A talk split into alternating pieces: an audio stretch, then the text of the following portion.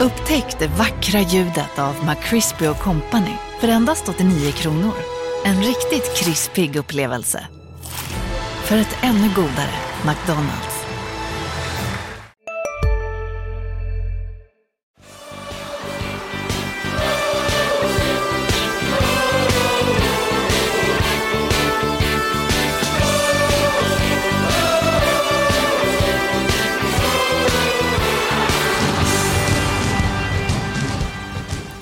Förlust för Landskrona Boys borta mot GIF Sundsvall och det betyder att Boys faktiskt är seriens formsvagaste lag. Bara tre poäng på de fem senaste matcherna.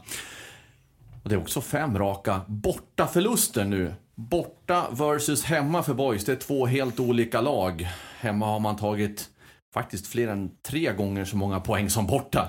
Det har vi eh, som ett ämne i veckans avsnitt av Landskrona Boys-podden. Ett annat stort, ännu större ämne är kontraktsläget. 12 spelare har utgående kontrakt.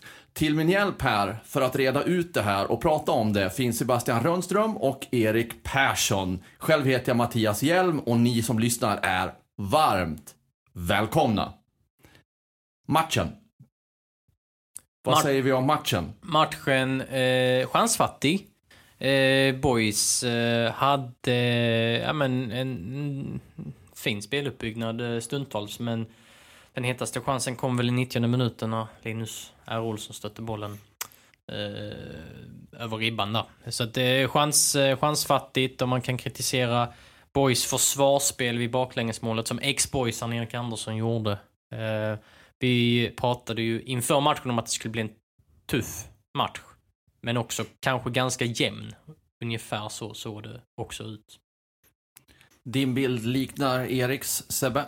Ja, men det gör det. Alltså, jag kände att varken Sundsvall eller Boys bjöd på någon särskilt rolig fotboll i, i den här matchen. Eh, Boys hade svårt och har under en tid haft svårt att komma till de riktigt farliga målchanserna. Man hade ett ganska stort bollinnehavsövertag i andra halvlek, men det hände inte jättemycket. Det var eh, sällan de verkligen kom fram och, och skapade något. Eller ja, egentligen bara där i slutet på Linus A. Olssons eh, avslut. Eh, så det, det, det var en, eh, en händelsefattig match som, eh, från båda lagen tycker jag. Det var inte det att Boys var eh, så pass mycket sämre än Sundsvall, utan Sundsvall var ju också, Eh, gjorde också en ganska så slätstruken insats, eh, tycker jag.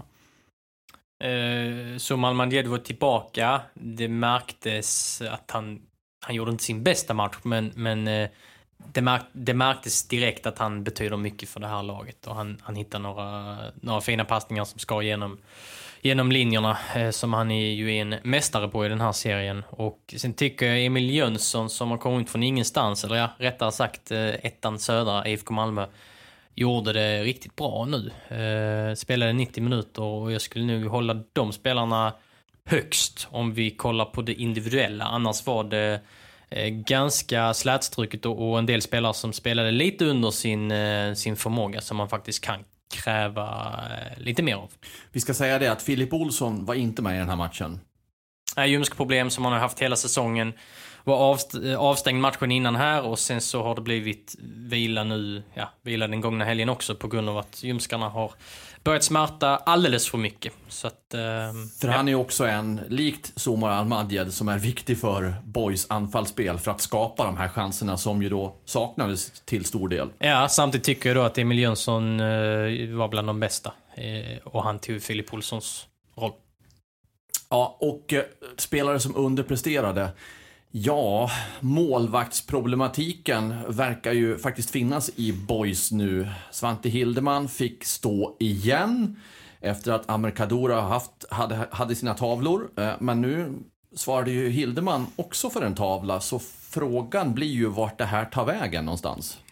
Ja, det är ju inte den trygga sista utposten eh, är ju känslan. Alltså nu, Amokadora hade ju tre tveksamma ingripanden i ett par matcher där innan eh, Svante Hildeman fick chansen. Och nu så efter första, eh, efter det målet han släppte in mot Gais var väl lite så med positionsspelet på det även om det inte var en, en jättegrej i sig. Men just det här målet, eh, det är ju ett skott som är långt ifrån otagbart och som han helt enkelt tappar in under sig. Och det, det är ett för dåligt ingripande givetvis. Sen tycker jag också att Eh, som Erik nämnde där innan, eh, själva det målet i sig börjar ju med att Boys eh, står ganska högt med sin backlinje och går bort sig i... Eh, alldeles för bolltittande alldeles, i tidigt stadie. Ja, tidigt i anfallet när, de, eh, när Sundsvall slår den här djupledsbollen på Erik Andersson.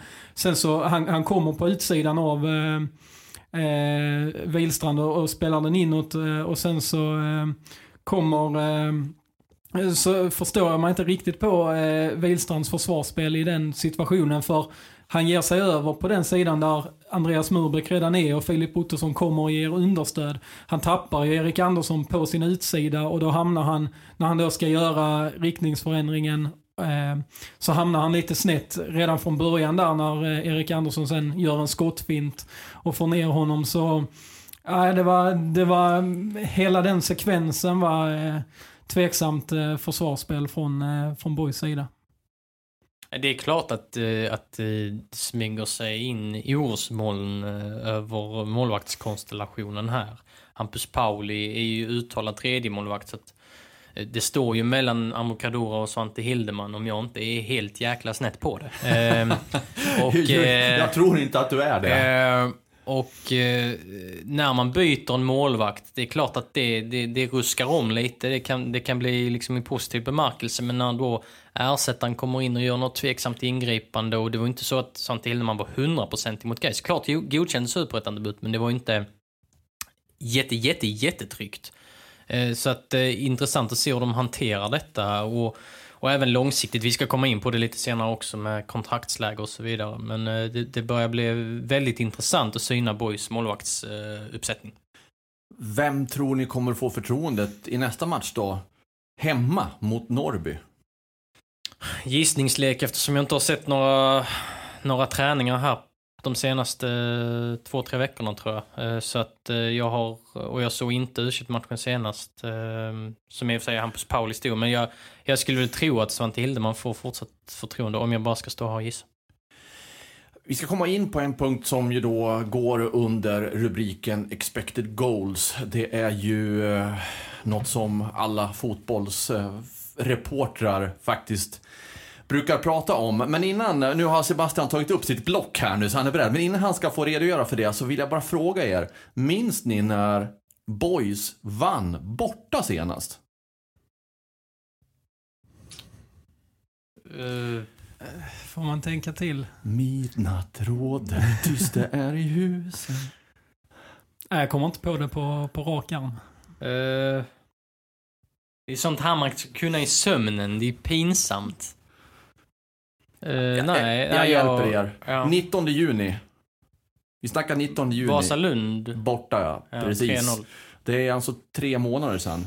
Mm. Okej, det har ju varit lite uppehåll och sådär, så det är, inte, det är ju inte tre månader gånger 30 dagar så, men ändå. Det är almanackan vi har att förhålla oss till. Eh, och det är ju 8 poäng har man tagit på bortaplan. 26 på hemmaplan. Det är ju faktiskt enorm skillnad. Hur kan det vara så här? Ja, det, det är så svårt att, att, att hitta ett liksom, facit. Det är ju liksom, man får, ja, man får ju kika lite på ja, men nutid och dåtid kring skadeläge framförallt när det gäller boys nu. De har ju de har ju tappat några bärande spelare, har en annan trygghet eh, hemma på IP och kanske kan luta sig mot det då när man har ett lite sämre lag på pappret. Eh, sen får man väl också se vilka, nu har jag inte läst på jättemycket kring det här ämnet, men senast mötte de väl seriens formstarkaste lag överlag och Sundsvall är ju någonstans där topp 5 som hemmalag också, så man får ju också se vilka lag de har mött på bortaplan och ja, men som Brage borta var det ju eh, jättedåliga förutsättningar exempelvis kring utvisning, Filip Ottosson klev av tidigt, det var väl knappt en full bänk och, och, och så vidare och så vidare. Så att, eh, Ja, lite sånt får man ju titta på. Nu har jag inte gått ner mig i det, så jag, jag kommer inte med något sånt jättesvar. Det är ju ändå anmärkningsvärt kan jag tycka med tanke på att publiken inte släpps på för fullt än. Så att publikfaktorn, nu kanske inte publiken är en jättestor faktor i alla superettanlag i alla fall. Men likväl, alltså förutsättningarna hemma och borta är ju om inte identiska så, så nästan. Okej, det kan skilja på underlaget, men den här tolfte spelaren, publiken, har ju inte varit en faktor. Egentligen. Nej, så har det inte varit. Och sen samtidigt, eh, som du nämnde där, underlaget är ju också eh, givetvis en faktor som spelar in i, eh, i Superettan eftersom det är många lag som spelar på konstgräs. Men, men där, Boys, är Boys gillar ju konstgräs. Ja, precis, Boys är också ett lag som, som vars spel liksom passar på konstgräs. Och, så där tycker jag också det är svårt att, att liksom hitta något eh, ordentligt eh, mönster i vad det skulle kunna bero på. Sen är det intressant, eh, för nu eh, knappar jag mig fram till en eh, bortatabell här. Det är ju Vasalund och Falkenberg och Eskilstuna. Eskilstuna är ju jättebra hemma där också, likt Boys då. Men annars är det ju liksom bottenlag, så Vasalund, Falkenberg, även Västerås där. Det är ju de lagen som brukar ha problem. Ja, de har ju problem överallt i och med att de är borta. Men eh, jo. det är klart att det är anmärkningsvärt att, eh, att ett lag som slåss upp en allsvensk plats eh, inte får det att fungera på, på bortamark. Eh, sen kan man ju vända på det och, och säga att Landskrona IP är en, är en kraftfull hemmaborg. Så att, men det är klart att, att den skillnaden är den differensen är, är, är anmärkningsvärd och det är klart att det är ett utvecklingsområde, utan tvekan. Ja, det är klart också att hade Boys varit bättre på bortaplan, ja då hade ju alltså tabelläget, nu, nu är Boys med i toppen, men tänk då hur det hade kunnat se ut om Boys varit i alla fall något bättre på bortaplan. Då hade det ju gjort ganska stor skillnad i den här jämna tabelltoppen. Eh, det hade varit många viktiga poäng de hade kunnat spela in om, om man bara höjt sig något snäpp i den där bortatabellen. Ja, de andra topplagen, HIF Norrby, Värnamo, Trelleborg är topp fyra i bortatabellen och sen i Sundsvall någonstans där i mitten. Så att de andra topplagen har varit bättre i bortagrenen. Låt mig få uttrycka så här. Ett, ett väldigt starkt hemmaspel säkrar kontraktet. Men är man inte starka borta så tar man sig inte upp en division. Det är min enkla slutsats. Ska Boys faktiskt vara med och prata om en allsvensk plats, ja då är det bara att, att ändra på poängskörden borta, annars går det inte. Ja, alltså man kan inte ligga så pass lågt i bortatabellen för den stora skillnaden eh, blir svår att, att jämna ut. Man kanske kan ligga hyfsat i båda tabellerna och vara högt upp i serien, men när man är så pass långt ner eh, i en bortatabell så, så är det ju klart att, att det blir svårt att hänga på i toppen. Nu Sebastian, nu ska vi prata om expected goals. Det blir ju då också att prata om ett svagt anfallsspel i boys. Ja, eh, eller både och kanske eh, man kan säga. För eh, om man då ser till de här siffrorna, expected goals, eh, så har Boys, eh, Boys siffra på expected goals är 23,69 mål. Vad betyder det? Det innebär alltså, expected goals är ju en sammanställning av eh, ja, den procentuella, eller hur många eh, förväntade, förväntade, förväntade mål. mål liksom på, Sen kan man ju räkna, det ska vi också tillägga for the record här, att eh, det skiljer sig lite från olika eh, statistikplattformar och de, de, tar, de bedömer det på olika sätt. Så att det är inte så att detta är liksom ett jättesvartvitt facit. Utan se det som en ja, men ganska rejäl fingervisning, men eh, ta det inte för allvarligt. Ni kan ta en liten, liten nypa salt där hemma. Men eh, det intressanta då med detta är ju att den där siffran då på 23,69 förväntade mål eh, innebär, alltså i den här förväntade mål-tabellen så är Boys faktiskt näst eh, sämst eller vad man ska säga. Alltså, de skulle, borde, eller förväntas ha gjort näst minst mål i, eh, i hela superettan. Istället så är man delad tvåa och har gjort 29 mål. Så man har gjort ja, 5-6 mål mer än vad man har förväntats göra. Så det tyder ju på en väldig effektivitet. Samtidigt som då anfallsspelet har, har knakat lite de senaste matcherna. Ja, de har ju varit fram till typ nu har de ju varit eh, det bästa det bästa offensiva laget. Sen är intressant i den här frågan det är också om man kollar på på skytteligan. Det finns ju ett lag här i närheten som har Anthony van den Hoek som eh, given skyttekung. Eh, Boys har inte det. De har eh, Filip Ottosson, Kevin Jensen och Robin Hofse som alla står på fyra mål. Och sen är det eh, någon tremålsskytt och några tvåmålsskyttar och eh, några som har hittat nätet vid varsitt, eh, var sitt tillfälle. Så att, eh, det är ingen utpräglad målskytt där heller. Nej, och, så, och så är det ju så när man tittar på, på helheten över hela säsongen, antalet mål boys har gjort, ja men då kan man inte säga att det är svagt anfallsspel. Men om man tittar på den aktuella formen av fem senaste matcherna, ja men då är anfallsspelet betydligt svagare. Ja, det, Det var är väl, lite det jag tänker på. ja, det var väl tre raka matcher där, eh, där de inte alls gjorde mål.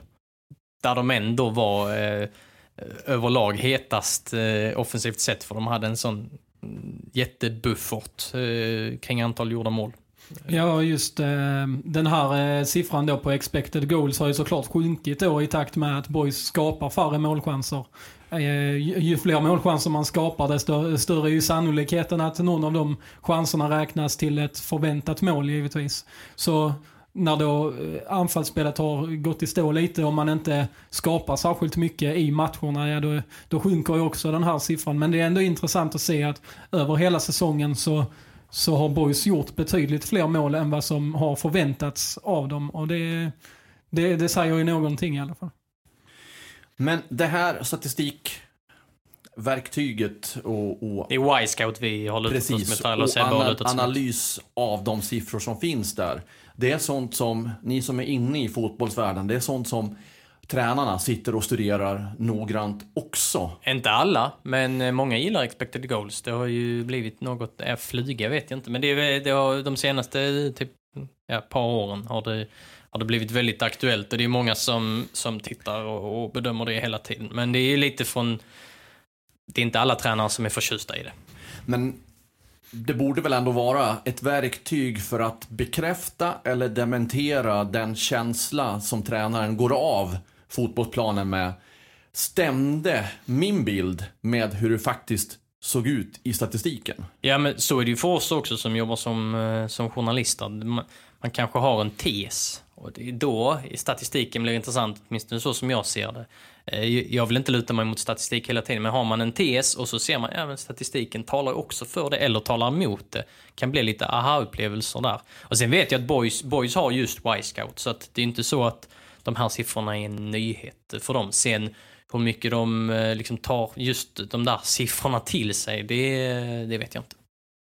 Ah, har man det verktyget, då, då tror jag nog att man faktiskt gör det. För att om expected goals sjunker över tid, ja men då finns det ju någon signal om att vad ska vi förändra i träningen för att vi ska komma tillbaka på siffrorna vi hade tidigare. Ja, sen just i den här frågan tror jag att eh, Billy Magnusson och Max Mölder, Amir Kirlic och, och de övriga, övriga fotbollskunniga eh, har sett med blotta ögat att det inte har varit tillräckligt eh, bra. Ehm, men eh, det är intressant att lyfta fram statistiken för det säger ju, det säger ju någonting.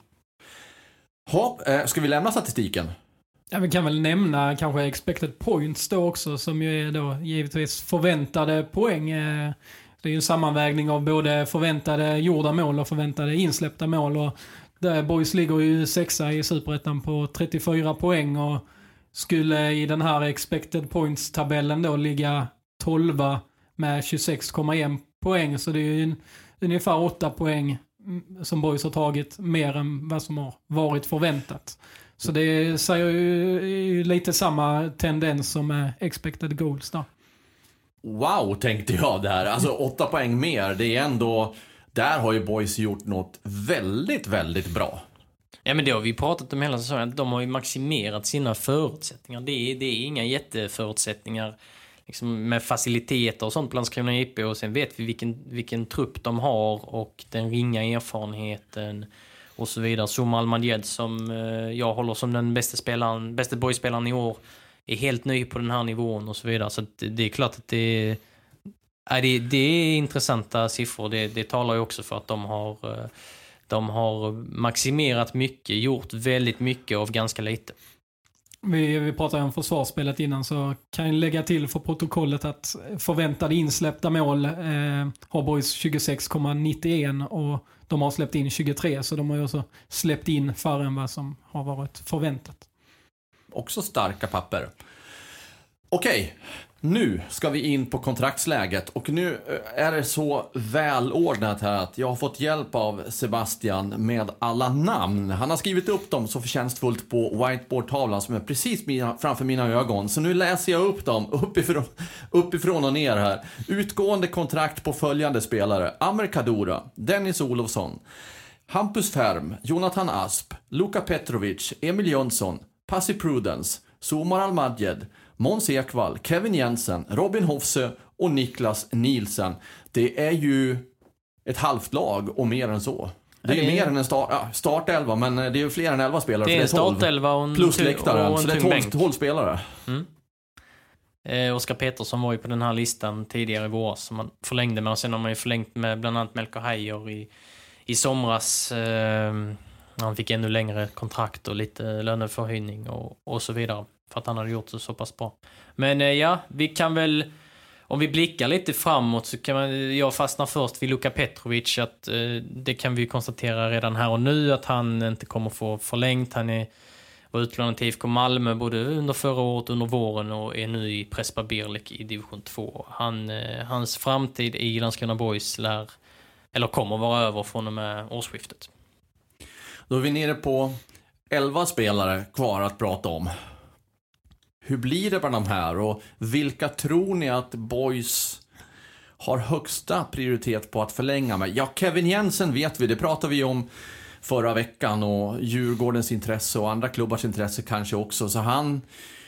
Eh, ja, han... Zuma Almadjed och Kevin Jensen är ju en egen kategori eh, Ja. i de här... Eh, Det är ganska de självklart spelarna. att boys, eh, om chansen finns, eh, vill ha kvar dem. Men, eh, men där är det ju andra parametrar, andra klubbar med i bilden. Så, så det kan vara lite svårt att spekulera kring eh, vad som händer just med dem. Då är vi nere på nio spelare kvar. Eh, ska vi ta de som är kvar då? Amerkadora, vad tror ni där? Intressant. Eh, han brukar förlänga med ett år i taget. Han sitter all, varje höst så sitter han i den här sitsen och det slutar alltid med att han förlänger. Eh, mm, han har ju varit första, första målvakt fram till nu för bara ett par veckor sedan och Svante Hildeman sitter ju då på kontraktet nästa år. Hur bedömer man Svante Hildeman nu när han har spelat och när han kanske fortsätter spela? Eh, det har ju också att göra med hur man bedömer Amokadora. Och sen har Amokadora ett plus att det, det, är, det är en Landskrona-son, det är, det är en urboysare, han brinner för den här klubben Eh, och har ju tagit steg i rätt riktning. Han var ettans bästa målvakt 2019 och, och fram till tavlan på Olympia hävdar jag fortfarande att han gjorde en bra säsong sett till eh, att han inte har jätteerfarenhet från den här nivån och att han var korsbandsskadad förra året. Så där är det ju ganska många frågetecken och det har lite att göra med också, dels vet vi ju inte vilken serie Boys spelar i eh, och sen vet vi inte riktigt var de lägger ribban. Säg att de är kvar i superettan. Ja men ska de, ska de satsa på att gå upp nästa år då? Räcker det med Amokadora, Svante Hildeman och Hampus Pauli då? Jag vill se lite mer både av Amokadora faktiskt och, eh, och även av Svante Hildeman. Ehm, och sen är ju Hampus Pauli med för att se och lära. Så att, frågetecken där. Eh, det kan bli så att Boys tvingas ta ett eh, obekvämt beslut. Och just det obekväma beslut kommer vi komma in på kring några fler spelare. Är det inte så också att Amerkadora gett uttryck för tidigare att han har en ambition att komma utomlands? Jo, utomlands högre nivå. Eh, och det är, ju, det är ju en stor anledning till att han bara har förlängt med ett år också. Men det finns ju också en anledning till att han ändå till att han har blivit kvar. Och nu har han inte varit med i Palestinas landslag på länge. Eh, och det var ju ett skyltfönster. Även om han knappt har spelat där. Var åtta landskamper på bänken och någon inofficiell landskamp. Eh, skulle han komma med där, jag tror de har någon samling i december, så kan det kanske trissas upp lite intresse eh, kring de länderna där nere. Eh, men han har ju, han har ju det i huvudet, absolut. Dennis Olofsson, en, en omskolad högerback från Agim Soppi-tiden.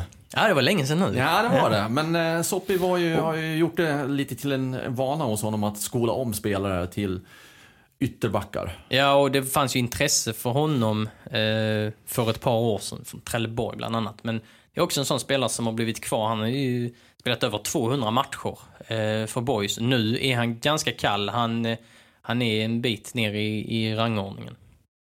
Ja, alltså mm, det är en spelare som man, eh, alltså, som man har lite erfarenhet eh, av den här nivån sen tidigare också ju, och som, som man eh, hade lite högre förväntningar på den här säsongen. Han har ju, som du säger Erik, inte, inte spelat sådär jättemycket och inte haft den rollen man kanske tänkte sig att han skulle ha. Eh, har ju förvånat lite och då känns det ju som i det läget, den positionen han sitter i nu, så är det väl kanske inte... Han är kanske inte högst upp på listan över de här spelarna som man eh, allra helst vill förlänga kontraktet med. Så eh, samtidigt så vet man ju vad man får. Eh, det är en spelare som ändå eh, kan fylla en, eh, en roll i truppen, men eh, han har väl kanske inte levt upp till det, den nivån man hade förhoppningen på inför säsongen. Men ska man se den här speltiden som blivit allt mindre den här säsongen som ett tecken på att om Boys vill mer så förlänger man inte med Dennis Olofsson? Eller? Eh, jag skulle vilja säga att här och nu eh, så lutar det åt att han inte får förlängt utan att veta nu, som sagt. Ja, vi, vi spekulerar här ja, i, men, i alltså. Vi är tydliga för ibland har vi uppgifter, vi har inte några uppgifter kring detta just nu. Så detta är liksom spekulation. Eh, men eh, nej, Dennis Olofsson hade en betydligt högre status för bara två år sedan. Då gjorde Boys ganska mycket för att ha honom i laget. Och sen har det inte blivit den utvecklingen. Och det har också att göra med, till, med de namnen som vi ska nämna nu, Hampus Färm och Jonathan Asp. Som också är ytterbackar och som också har utgående kontrakt. Hur tänker man kring dem? Eh, jag, tror ju, jag har svårt att se att man behåller Olofsson, Färm och Asp. Ehm, det tror jag inte. Om jag får eh, lägga ut en Eh, lite kanske provocerande tanke. Provocerande, jag vet inte om det är rätt ord. Men kan det vara så att, nu tar jag på mig både livrem och hängslen och eh, våtdräkt. Eh, är det inte så att Hampus Färm har störst uppsida på de här tre? Jag skulle komma in på exakt det, Hjelm. Eh, och, och, vi har inte pratat om det här, bara så ni vet ni som lyssnar. Vi har inte gått igenom det här och sagt nu ska vi, nu ska vi fylla i varandra och om du säger så så säger jag så. Det har vi inte. Nej, det är ingen teaterpjäs. Eh, Jonathan Asp är ju eh, en av de mest rutinerade spelarna. Han har flest allsvenska matcher, 45 tror jag det är för Trelleborg och kommer från norska andra ligan som ja, men något av en prestigevärvning. Dagens vinnarprognos från Postkodlotteriet. Postnummer 65209, klart till halvklart och chans till vinst. 41101, avtagande dimma med vinstmöjlighet i sikte. Övriga 10 500 postnummer soligt och möjlighet att vinna. Oavsett när sommaren kommer till dig så kan du och dina grannar få dela på 48 miljoner i sommaryran. Ta chansen nu i maj på Postkodlotteriet.se. Åldersgräns 18 år. Kontakta stödlinjen om du eller någon anhörig spelar för mycket. Hej, Synoptik här. Visste du att solens UV-strålar kan vara skadliga och åldra dina ögon i förtid? Kom in till oss så hjälper vi dig att hitta rätt solglasögon som skyddar dina ögon. Välkommen till Synoptik. Hans eh, nackdel är att han är, han är mycket skadad. Han har, han har haft liksom skadeproblem eh, titt som tätt sedan han kom till Boys. I grunden en bra spelare. Det är kanske den, ja, kanske den eh, av de här tre som är som är bäst på att slå inlägg exempelvis. Han har en känslig fot, eh, tar fasta situationer, kan spela både till höger och vänster, spela mittback i, i kvalet mot Dalkurd. Ehm, sen är han ju lite äldre, han blir inte bättre och så finns det den här skadehistoriken. Hampus Färm är betydligt yngre, kan också spela på båda kanterna, eh, har en karaktär eh, och en passion för klubben som jag tror tilltalar Billy Magnusson och, och och Max Mölder väldigt mycket och Hampus Färm eh, accepterar en roll som truppspelare också.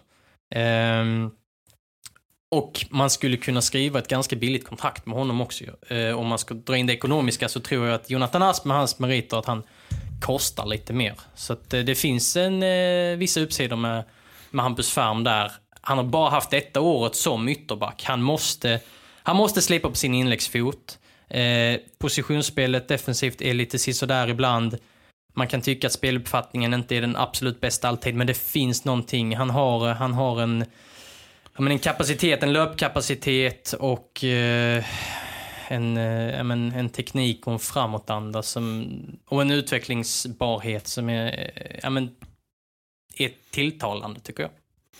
Om man tänker eh, själva högerbacksplatsen så även när, när Boys har haft alla tillgängliga så har man ju inte riktigt valt en väg vem man ska spela där. Och det är ju också ett tecken på att man kanske inte känner den här riktiga säkerheten kring någon av spelarna. Att man verkligen vill eller vågar satsa på, på någon av dem. Och det talar väl kanske emot då, jag tänker Dennis Olofsson och Jonathan Asp kanske framförallt som ju inte på samma sätt För det är ju som de man har krävt mest av. Precis, det är ju de som har tappat. De har haft bäst ingångsvärden egentligen. Och Farm, han, han har ju framtiden för sig. Där, där finns det ju mer att ta av. Det finns det kanske inte av Dennis Olofsson eller Jonathan Asp. Och i och med att man inte har gett någon av dem en, alltså förtroendet på det sättet att de har fått eh, kontinuerlig speltid så, så är det ju nog också ett tecken på att man inte är helt nöjd med, med deras prestationer. Och sen har det varit lite skador titt som Ja, givetvis. Men, eh, men även i, i början av säsongen när, när flera av, flera, eller alla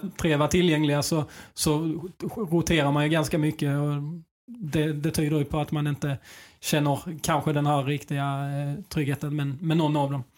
Det jag ska säga nu är inte för att misskreditera någon spelare, vare sig i Boys eller i något annat lag. Men Alltså ingen spelar hela världen. nej, för jag vill inte pinpointa någon så och bara för det jag ska säga, ni kommer fatta vad jag menar. Men det finns ju ett antal spelare som är ganska osynliga, om man uttrycker det så, i, i en laguppställning. Gör sitt jobb, men det händer inte så mycket mer.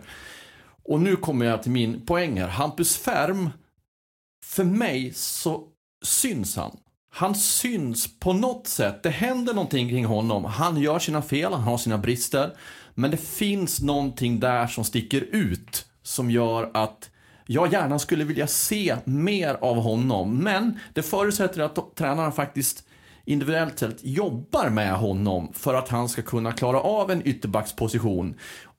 Defensivt tänker jag. Och gör han inte det, ja men då kanske man får fundera på, passar han in lite högre upp på en kant? Ja men då kommer andra spelare i, i diskussionen. Men jag vet inte, det borde gå att fixa till Hampus Färm. För det finns någonting i honom som jag uppskattar. Högt upp på en kant är han ju när man är ytterback i boys. För han, Jo, annars ska han ju vara Men som en kanske tia. inte ha så mycket defensivt ansvar då, om man Nej. uttrycker det så. Ja, så, eh, ja, han spelar ju wingback i derbyt eh, hemma mot HIF exempelvis. Men, eh, eh, ja, men du, du är inne på någonting för det, det, det är olika karaktärstyper också. Eh, Färm skiljer sig lite från Dennis Olofsson och Jonathan Asp och eh, jag tror också, eller jag vet ju att Billy Magnusson och Max Mölder älskar att jobba individuellt med spelare och verkligen som ska ta de här stegen och de är duktiga på det också. Så det, det, det är en del som talar för Hampus Färm eh, i, i den här ekvationen, det, det tycker jag ändå. Jag har ju ännu mindre uppgifter än vad ni har, det vill säga 0,0. Men jag tror att Hampus Färm kommer att prioriteras och bli kvar. Det är mitt stalltips utan mer grund än det vi har pratat om Och han tar ju det utan att blunda också, det är jag helt säker på. Okej vi går vidare på listan. Luka Petrovic har vi pratat om, i alla fall du Erik. Ehm, sen är vi då, ja du har pratat om Emil Jönsson också, men inte när det kommer till kontraktsläget. Hur blir det där? Vad tror ni? Oh, vad det har ändrats eh, förutsättningar de senaste veckorna. Eh, han har ju varit lite bortglömd i IFK Malmö, där han har gjort det bra. Nu har han kommit in i Superettan och eh, nu mot Sundsvall. Han gjorde ett bra inhopp mot Brage. Inte lika lyckosamt mot Gais, även om jag tyckte att han var godkänd. Men han var bra mot Sundsvall. Eh, fortsätter han att spela här under hösten och gör det bra på den här nivån, då kan vi helt plötsligt tala om att han kanske får en avtalsförlängning på sitt bord. Och det, eh, hade du frågat mig för en månad sedan så hade jag sagt att eh, men det är nästan lika solklart som Luka Petrovic. Han kommer inte fortsätta. Men eh, nu eh, kanske man får, får svänga. Men det beror också på vad han gör här under hösten. Over and out blev under and in, kanske, eller någonting. Ja, men han har ju också åldern för sig. Eh, precis som när vi nämnde Hampus Farm. Det är en faktor som också talar för att om, om han då får speltid här under hösten och, och fortsätter göra det bra som mot Sundsvall till exempel så, så är ju åldern ytterligare en faktor som, som Ja, Emil Jönsson är väl 20, för honom. Färm 22. Så det är inte så att Färm är liksom 16 år och, och så. Så att ni inte tror det. Nej, men det, det är ytterligare en faktor som, som kan tala för Emil Jönsson när han nu för första gången liksom, eh, får visa upp sig ordentligt. Att han också, eh, att det finns en framtid eh, om man nu ser, ser den i honom. Fick ju ett par, tre superettan-matcher redan hösten 2018. Dåvarande boystränaren Jack Majgard Jensen pratade om att detta är en stor spelare, kan bli en stor spelare för boys i framtiden. Det har vi inte fått se än, men eh, kanske att, kanske att han får rätt ändå, att det finns så mycket mer i eh, Emil Jönsson. Han har, han har jobbat med sin fysik, han har jobbat med liksom, teknik och snabba fötter och, och speluppfattning. Han, han, han, har, han har fått fler verktyg i sin verktygslåda och, och byggt på sig lite självförtroende också i ettan med IFK Malmö. Men vilka verktyg har han haft med sig förutom det han har jobbat på nu och vad är det för spelare? Ja, men en, en eh, slitstark spelare med, med funktionell teknik. Eh, Eh, har blivit ganska, ganska stark. Eh, ger alltid allt och behöver väl utveckla eh, liksom den, ja, men den avgörande passningen och verkligen hota i sista tredjedelen. Vilket han gjorde bland annat med ett instick mot Robin Hofsö nu mot Sundsvall. Så att han, eh, och det var ju han som slog inlägg mot Linus R. Olsson också. Så att han ska bli en mer attackerande spelare. Men en bra eh, box-till-box eh, mittfältare. Större frågetecken kanske på nästa spelare då, Passy Prudence, som ju inte fått spela jättemycket och när han har spelat så, ja, jag vet inte hur, hur mycket chanser han, chanser han har fått och hur mycket chanser han har tagit. Det mm, som spelare och tränare, spelare och tränare kan man ju ha lite olika uppfattning om sina egna prestationer. Nu vet jag inte om Passi har det, men så kan det vara i vissa lägen. Vad, vad gör ni för bedömning av Passi Prudence? Han såg ju sig själv efter försäsongen och sa att han alltid är under isen på försäsongen och det var han verkligen. Han var inte bra då. Sen har han tagit steg i rätt riktning men det har liksom inte... Ja, men förra året så kun, kunde han ändå komma in i det och få, han fick ju speltid i typ varje match även om han inte var ordinarie startelvan. Nu så eh, tyngre konkurrens, det var ju inte förvånande att Boys värvade Filip Ottosson eh, efter förra året som då gjorde att Passy Prudence eh, sjönk i rangordningen och nu, just nu är Passy Prudence eh, skadad och han kom ju faktiskt in före Måns Ekvall borta mot Brage bara för ett par veckor sedan men skulle han komma tillbaka från skadan nu och Emil Jönsson har de här prestationerna så tror jag att Emil Jönsson ligger före. Eh, så att Passy Prudence ligger väldigt långt bak i det, eh, i det mittfältsledet. Det gör han. Mm. Somar Al-Madjed, ska vi säga någonting mer om honom? Ja, han ligger längst fram i det mittfältsledet. ja, men han var ju en egen kategori tillsammans med Kevin Jensen. Och eh, eh, Eh, status oklar på om Boys kan lyckas behålla dessa två och här nu när vi pratar om Almadjed. Eh, det som kanske talar för det är att han har ju faktiskt nu har han varit knäskadad igen, en skada han hade i fjol också. Så det finns ju en liten skadehistorik på honom som kanske skrämmer en del klubbar, vad vet jag? Ja, sen är han ju 25 så det är inte den där... Ja, det är ju inte någon så- jätteålder. Ja, fast det är väldigt stor skillnad eh, när man tittar på en spelare, liksom en försäljningsbar spelare kanske, som är 20 år som Kevin Jensen eh, kontra en 25-åring. Så, och, och det är, hans, det är ju Zumars första säsong på den här nivån. Sen är det ju det att han har ju varit så fruktansvärt bra. Eh, så att eh, börjar vi snacka negativa sidor och, och liksom eventuella argument som vissa klubbar har för att inte ta in honom så kan man ju ändå landa i att han har varit så oerhört bra eh, när han väl har spelat, eller när han har spelat. Och man kan ju inte lasta honom för att han får visa och lyckas visa den här kapaciteten när han är 25 år gammal, som du tycker är gammalt då, Erik. Eh, Alltså, Nej, det, det det- kommer ju nu, så att eh, han kan inte göra någonting åt det. Han är ju 25 Ja, fast det är ju nu. sånt som, som klubbar tittar på, på ändå, precis som vissa här, Alexander Tekac, Dennis Olofsson, det har funnits lite intresse, Armand Kadura, men de har ändå stannat i boys. Det finns ett mönster där. Var, var, varför finns det mönstret? Likadant eh, identifierar ju klubbar det med, med en sån spelare som Zuma Almadjed. Att, ja, varför var han kvar eh, fyra, fem år i division 2 och så vidare. Men jag tror att det finns ett intresse kring honom, så det är inte det. Eh, jag bara menar att han och Kevin Jensen skiljer sig lite åt eh, just kring utvecklingspotential och försäljningspotential när det ändå skiljer fem år mellan dem. Ja, framförallt det att eh, om man tänker en allsvensk klubb till exempel som varvar in en spelare, kanske har den spelaren i två, tre år och sen säljer de vidare för en större summa.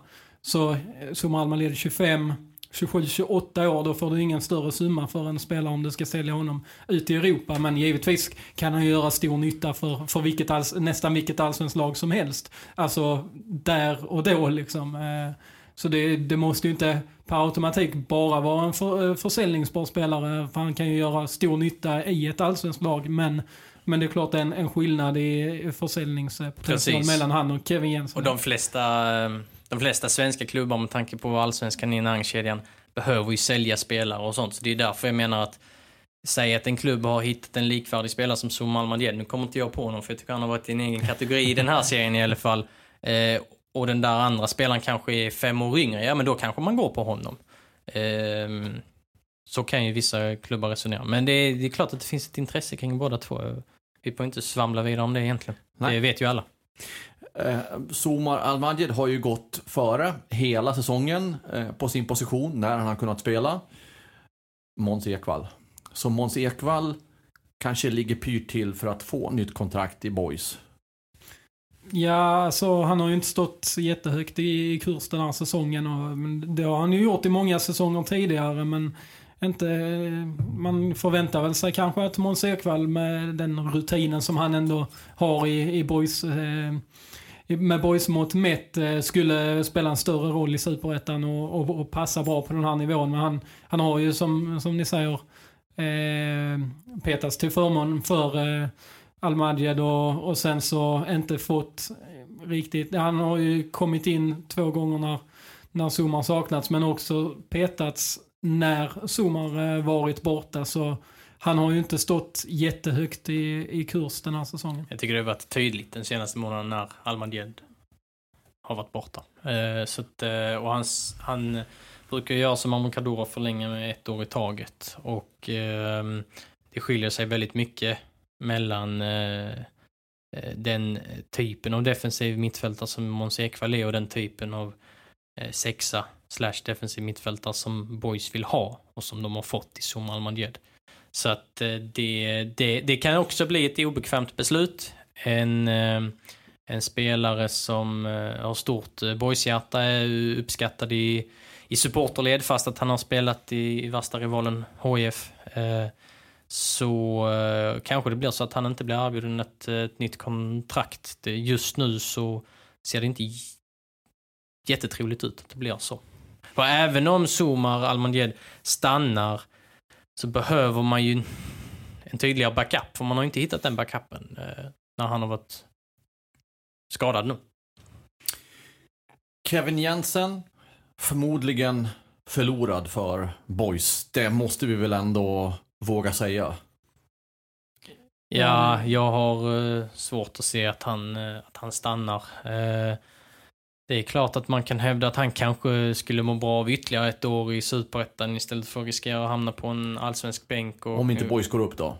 om inte Boys går upp. Ehm, men eh, det känns ju som att Kevin Jensen har haft den här planen ett par, tre år nu att det är efter den här säsongen han ska flyga iväg. Eh, det är ett annat läge om Boys går upp. Då kommer Boys hjärtat in i bilden också. Ehm, men ehm, om Boys stannar eh, så talar väl i princip allt för att han inte blir kvar.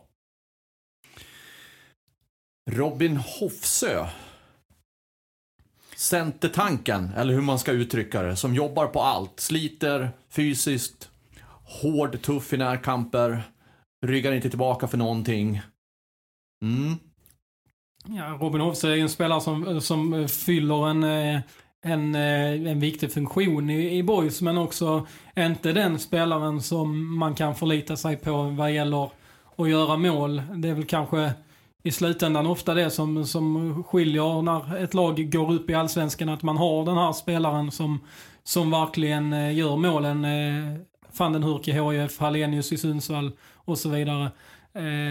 Den spelaren saknar ju Boys. Det var väl tanken att Erik Persson skulle vara den, den spelaren såklart. Men, men där är ju Hofse, han är ju inte den spelartypen i grunden. Det är ju inte det att han har, har misslyckats på det sättet utan han, han är ju inte en, en utpräglad målskytt eh, på det sättet.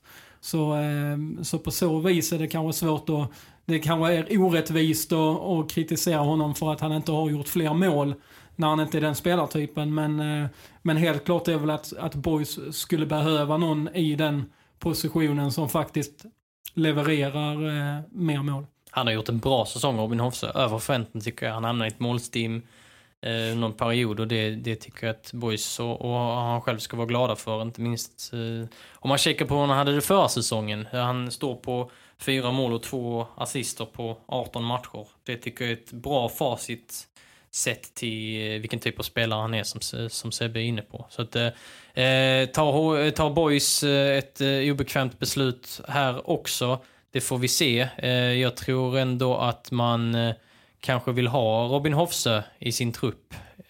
kanske till och med om, om man spelar i allsvenskan. Men att han då hamnar i en mer tydlig breddspelarkategori. För det, det, det är en karaktärsspelare Eh, en jättebra människa. Jag tror han gör mycket nytta i omklädningsrummet. Och eh, ja, som alla andra så brinner han för klubben. Men han är ju absolut en av dem som, som har liksom ett ja, men, störst bultande boyshjärta. Så att, eh, eh jag, jag, skulle säga 50-50 här. Också kopplat lite till hur han, hur han gör det här under sluttampen av säsongen. Avslutningsvis då sagan själv, Niklas Nielsen, som ju för inte alls så länge sedan var i division 5 och öste in mål, kom tillbaka och fick leva sin dröm och spela i superettan med Landskrona Boys. Tar sagan slut den här säsongen? Skrivs sista kapitlet i elitfotbollen för Niklas Nielsen? Mycket möjligt. Ehm, det var ju fint att se honom spela superettan-fotboll. Jag tror han har spelat sju matcher, han har nu hunnit med att starta tre. Eh, och, och, till och med gjort ett mål. Och det, han har ju varit en joker stundtals. Sen har han haft skadeproblem här nu, men han följer ändå med det här laget land och rike runt. Det kvittar om de är i Borlänge eller Sundsvall. Niklas Nielsen är där och följer med.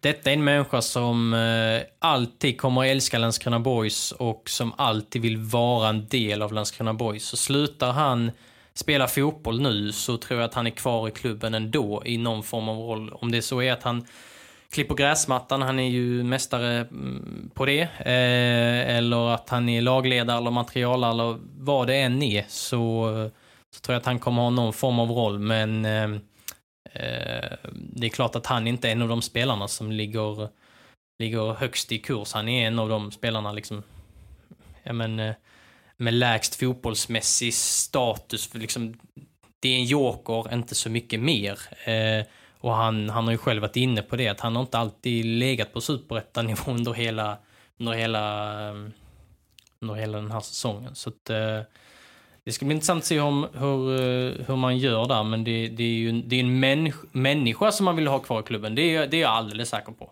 Sen är det ju fantastiskt att det fortfarande kan finnas såna här sagor i elitidrotten och att Niklas Nielsen faktiskt fick uppleva den. Det blev ju som en eh, Även om, om Billy Magnusson vill ge Niklas Nielsen chansen för att han är en utpräglad målskytt och så, så finns det ju någon slags underliggande god gärning i detta också, att Niklas Nielsen fick göra det här. Ja, och sen, eh, jag klankar inte ner på hans fotbollsegenskaper så. Han, han kan göra mål i vilket straffområde som helst oavsett om det är allsvenskan eller division 7.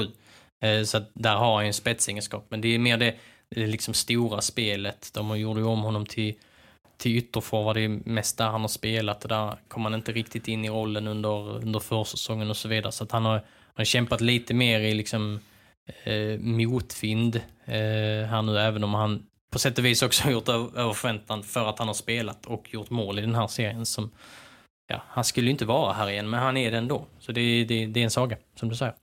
Om vi eh, utgår från att Boys blir kvar i superettan.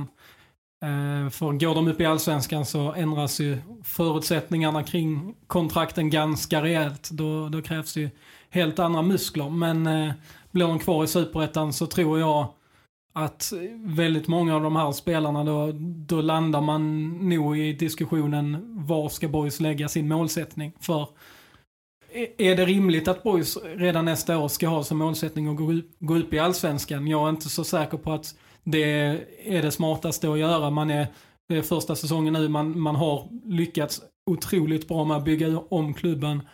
Och, och nu är redan första säsongen gjort det väldigt bra och imponerat. Eh, förutsättningarna för att spela i Allsvenskan Visst, Varberg har inte de bästa förutsättningarna att lyckas eh, skapa magi med det de har. Men, men de har gjort det, Persson. Ja, det har de.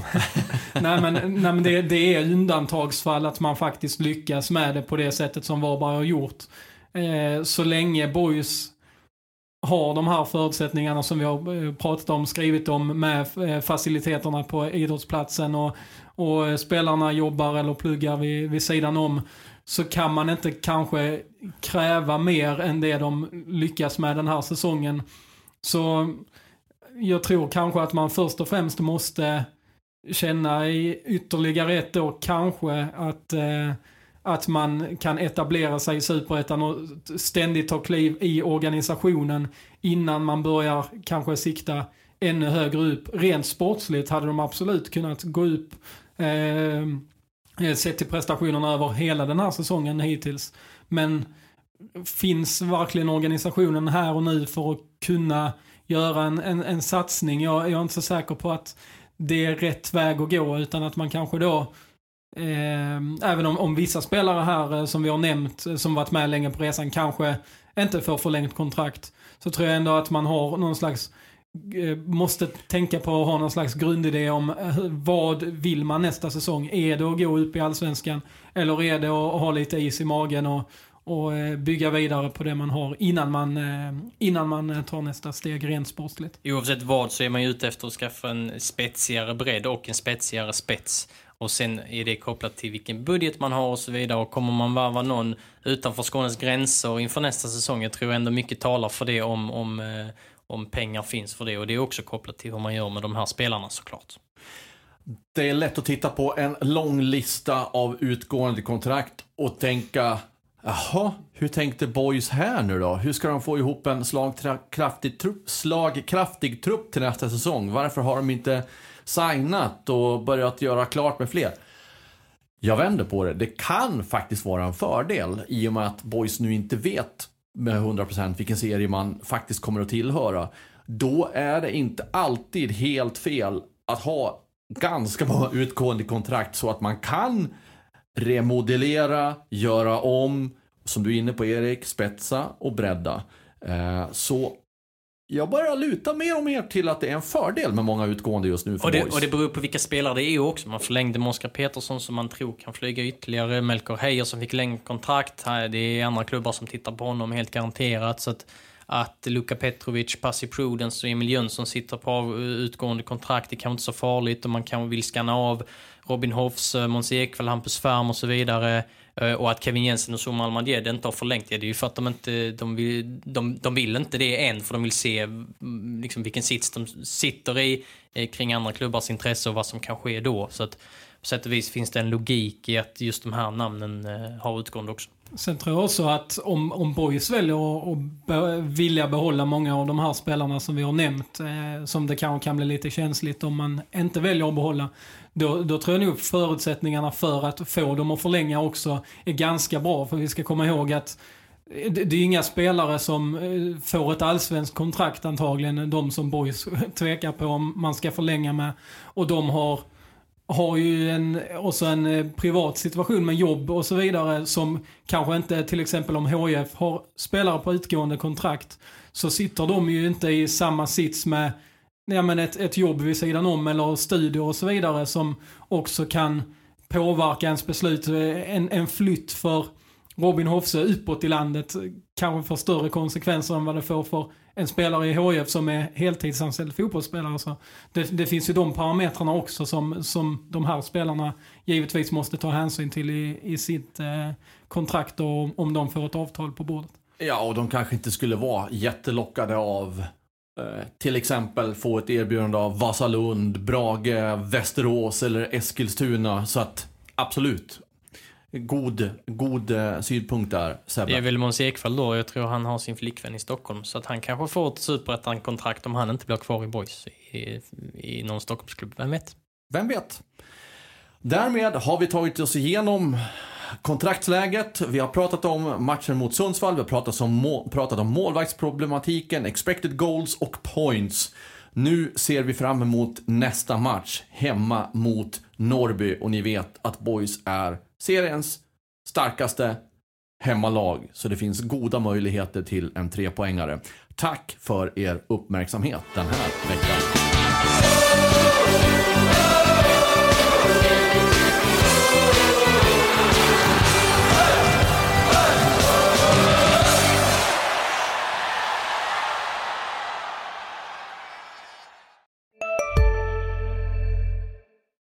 Ni är med om det största. Och det största är den minsta. Ni minns de första ögonblicken.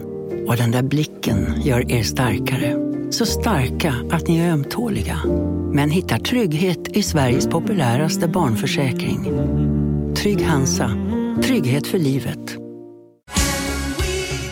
Just nu till alla hemmafixare som gillar Julas låga priser. Ett borr och bitset i 70 delar för snurriga 249 kronor. Inget kan stoppa dig nu.